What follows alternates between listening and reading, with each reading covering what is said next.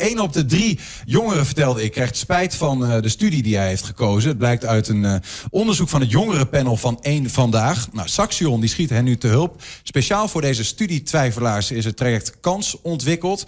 De eerste groep die is een maand geleden van start gegaan. En uh, twee betrokkenen die zitten bij mij aan tafel. Dat zijn Aldo van Duivenbode, projectleider van het traject Kans.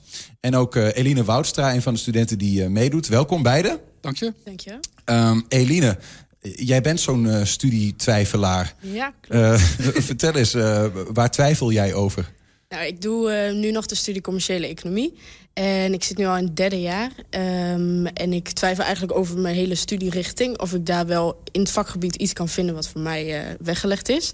Um, en ik mis eigenlijk het menselijke aspect in mijn hele studie.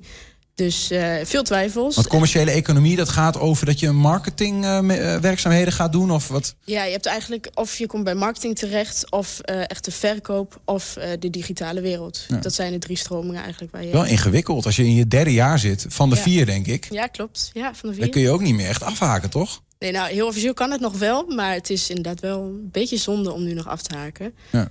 Maar goed, daarvoor heb ik dus kans om uh, te kijken waar ik heen wil en wat wel bij me past. Ja, precies. Maar uh, in deze situatie, hoe lang heb je dat al? Heb je dat echt al drie jaar lang dat je uh, dat wel doet, maar denkt, ik weet het eigenlijk niet helemaal? het eerste jaar vond ik nog wel alles interessant, want alles is natuurlijk nieuw. Dus dan nou, is het wel interessant om te leren. Het tweede jaar was natuurlijk ook corona dat erbij kwam. Toen vond ik het al wat minder leuk, maar ik dacht ook, ja, je werkt thuis, dus misschien ligt het daaraan. Maar toen ik echt het derde jaar begon, ben ik ook met mijn Mino begonnen. En dat was ook uh, niet echt wat bij mij ligt. Dus uh, ik heb na de afgelopen twee jaar ben ik wel aan het twijfelen geweest. Ja, een, een Mino is een soort van uh, even een zijstapje in je studie. Ja, klopt. Ja. Dan ja. kun je uh, je specialiseren op iets wat jij interessant vindt. Wat doet het met je als je zo in twijfel verzeild raakt? Ja, het is lastig. Het is, nou ja, veel risico's zitten er natuurlijk aan. Als je gaat stoppen, wat ga je dan wel doen? Um, nou, heb je drie jaar weggegooid of begin je ergens anders opnieuw? Um, en natuurlijk het gevoel dat je er alleen in staat. Want nou ja, derde jaar is en ik hoor ook niet van vrienden dat ze twijfelen. Dus wel lastig om uh, te kijken hoe de toekomst eruit ziet. Ja. Nou hoor je ook vaak um, dat studietwijfel en het leenstelsel in één adem worden genoemd. Mm -hmm. Omdat jongeren zich eigenlijk ja, verplicht voelen om het dan maar af te maken. Want je hebt er gewoon veel geld voor betaald. Ja. Uh, ja, dan moet, er, dat moet terugverdiend worden. Zit dat, hijgt dat wel eens in je nek? Ja, ook wel. Ja, vooral als je uh, een bachelor hebt afgerond en je wil een nieuwe beginnen... dan moet je dus instellingsgeld betalen. Ja. Dus dat is ook wel een dingetje. Dat neem ik wel mee in mijn twijfel of ik wel of niet doorga. Aldo, die, dat cijfer 1 op 3, daar schrok ik wel van. Ja. Is dat iets wat al jarenlang zo is of neemt dat toe? Of zit daar een ontwikkeling in? Nou, exacte getallen weet ik daar niet van. Maar dat er twijfel is, uh, is, is, is natuurlijk van alle tijden. Maar wat wij wel merken is dat uh, in corona dat nadrukkelijker... in de coronatijd nadrukkelijker naar boven komt. Waar, waarom komt dat? Uh, ik, de, ik denk ook dat het te maken heeft met het feit dat uh, jonge mensen... ook steeds meer het idee hebben dat het twijfelen... ja, dat hoort eigenlijk niet. Hè? Wij, wij verwachten heel veel van jonge mensen. En je hoort het precies te weten... En op het moment dat je begint te twijfelen... is dat een soort van afwijking van de gewenste route. Dus ik denk dat er ook wel een soort van taboe op zit. En ja, in deze, in deze tijd met corona komen dat soort dingen... denk ik wat versterkt naar boven. Ja, is dat terecht, die, die twijfel over twijfel, die onzekerheid? Hè? Of, of, nee, of... Ik, nou ja, goed, kijk... Nee, ik denk dat het heel belangrijk is dat twijfel erbij hoort. Hè. Dus we zijn het programma ook gestart vanuit... Uh, op een gegeven moment viel de opmerking van... als je twijfelt moet je dat zien als een kans. En ja, mensen met wat meer vlieguren, zou ik maar zeggen... waar ik mezelf toe kan rekenen, die, die weten dat twijfel natuurlijk ook altijd het begin is van... nieuwe, nieuwe, de, nieuwe kansen, nieuwe sporen. Uh, uh, en dus die verschuivende opvatting bij jonge mensen... dat je het allemaal moet weten en het in één keer goed moet doen... ja, dat is natuurlijk ook gewoon ja. jammer. Ah, tegelijkertijd is het natuurlijk... Uh dat, dat begrijp ik wat je zegt. Maar mm -hmm. als je in Eline's schoenen staat en je bent een derdejaars... en je hebt ja. daar inderdaad veel geld voor geleend... ja, dan heb je toch het gevoel, ik moet dat afmaken. Zeker. En dan zit je in die koker van bijvoorbeeld commerciële economische vakken waar je terechtkomt. En als je dan zegt van ja, weet ik dat eigenlijk wel... dan moet je nu terug, want nu kan je misschien ja. nog net een beetje geld besparen of zo. Ja, nou ja, dat is natuurlijk dat, dat is het lastige van hoe wij uh, zeker het hoger onderwijs nu hebben opgetuigd. Dat, kijk, Eline heeft uh, een aantal jaar geleden een keus gedaan. En daar heeft zij aan te voldoen. En dat is, dat is een. Nou, er zijn wel wat keuzes, zoals een minor, en er zijn wel wat keuzevakken. Maar je moet wel binnen de paadjes lopen. En ook binnen een bepaald tijdspad, alsjeblieft. En ja, er ligt ook nog een lening op je nek. Dus dat is natuurlijk heel ingewikkeld. Het is natuurlijk het begin van het denken, wat mij betreft ook, aan... Ja, kunnen we dat niet op een wat andere manier vormgeven... dat de Elines van deze wereld, die heel veel wel kunnen... en over heel veel dingen ook niet twijfelen... Uh, wat meer vrijheid krijgen om haar eigen spoor te gaan. Ja. Want Eline, hoe, hoe, ziet dat er dan voor jou uit? Ja, je bent net een maand begonnen hè, binnen dit traject. Maar waar, waar, werk jij dan aan nu? Uh, nou, we hebben eerst gekeken naar bijvoorbeeld uh, kernwaardes. Van wat ben je, vind jij belangrijk? En vanuit daar ga je ook kijken naar wat past dan wel bij je, waar liggen je interesses en uh, op welke manier wil jij iets gaan vervullen met de studie. Dus wat is echt nou ja, je missie, je drijfveren, waar kom je je bed vooruit? En dat willen we dan gaan terugkoppelen aan de studie. Oké, maar dus, dan kijk je nog steeds in jouw geval binnen de kaders van commerciële economie? Nee, echt wel daarbuiten ook. Dus eventueel switchen van studie.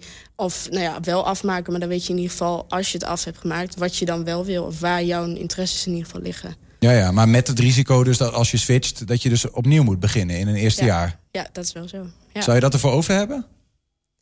Uh, vind ik lastig. Uh, eerst dacht ik wel dat ik dat ervoor over had. Maar nu heb ik ook inderdaad zoiets... misschien moet ik het gewoon afmaken. En dan kan ik vanaf daar kijken wat ik dan wel kan gaan doen. Dus dan heb ik in ieder geval het diploma, het papiertje. Ja. En dan vanaf daar verder kijken naar wat wel. Maar bij het traject zitten ook bijvoorbeeld studenten die al gestopt zijn... of eerstejaarsstudenten die gestopt zijn. Dus het is alle um, nou, verschillende jaren zitten ook bij elkaar.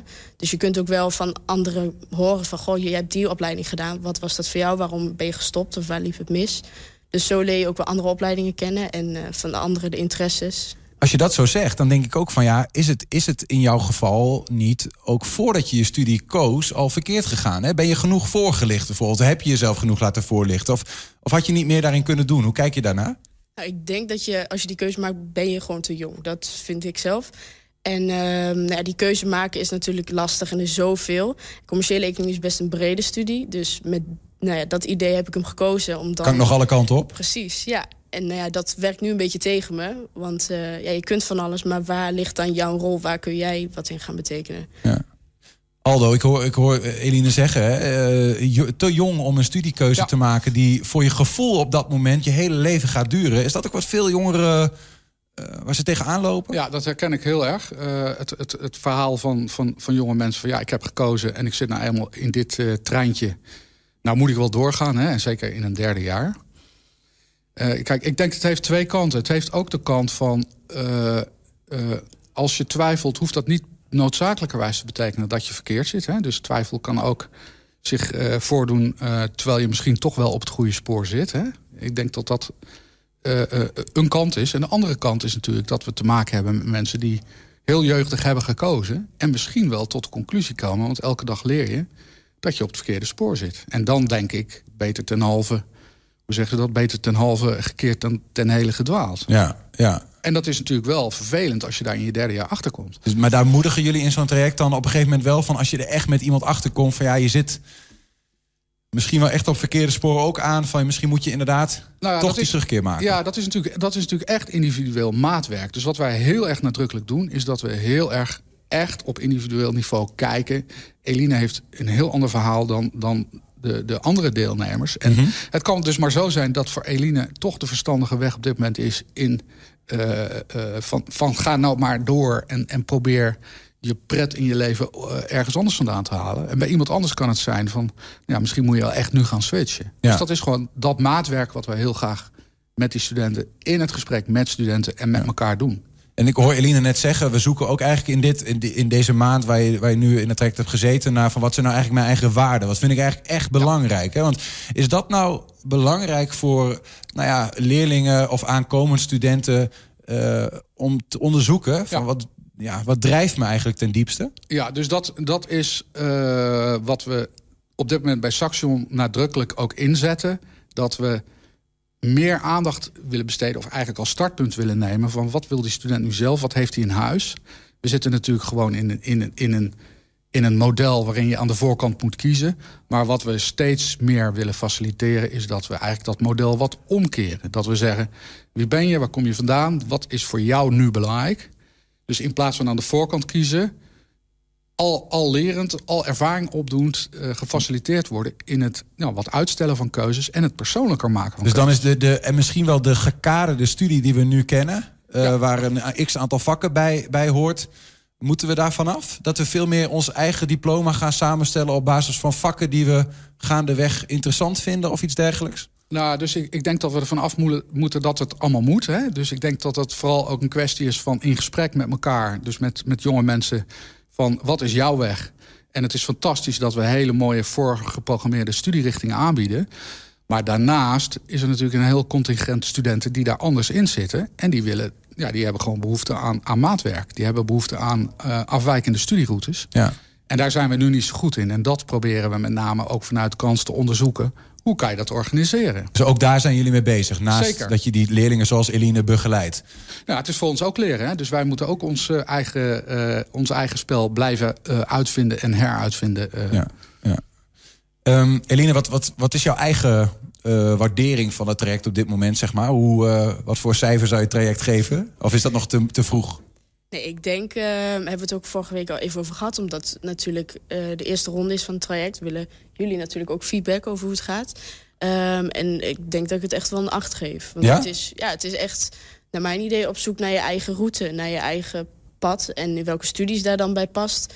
Um, is naar mijn idee een veel kleiner ding dan nou ja, de rest van je leven. Bij van. Zou elke student of misschien wel nuldejaars, hè? elke middelbare scholier die naar de, naar de hogeschool gaat of wat dan ook, zou die zo'n traject moeten doen, denk je? Ja, ik denk het wel. Ja, het is echt de persoonlijke ontwikkeling wat je uh, nou ja, je hele leven gaat doen, ook je hele leven meeneemt. Dus hoe vroeger je daarmee begint, hoe. Uh...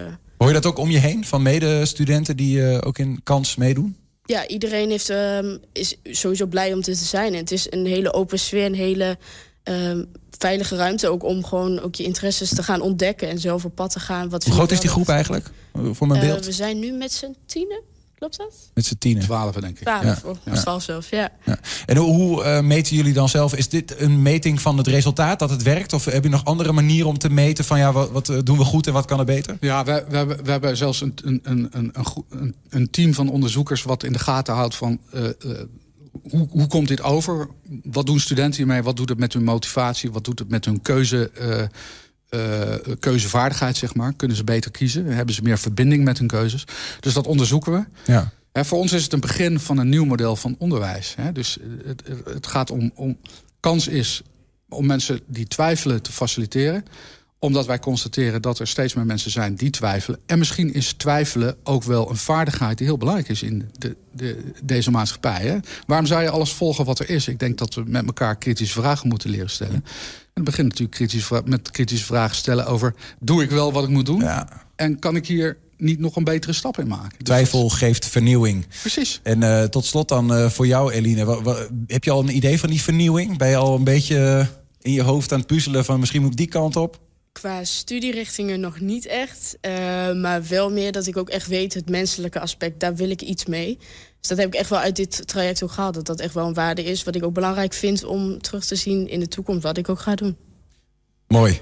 Ik hoop dat het je lukt. Dank je wel. Eline Woudstra was bij ons ja. en ook uh, Aldo van Duivenbode. Dank jullie wel. Dank je wel.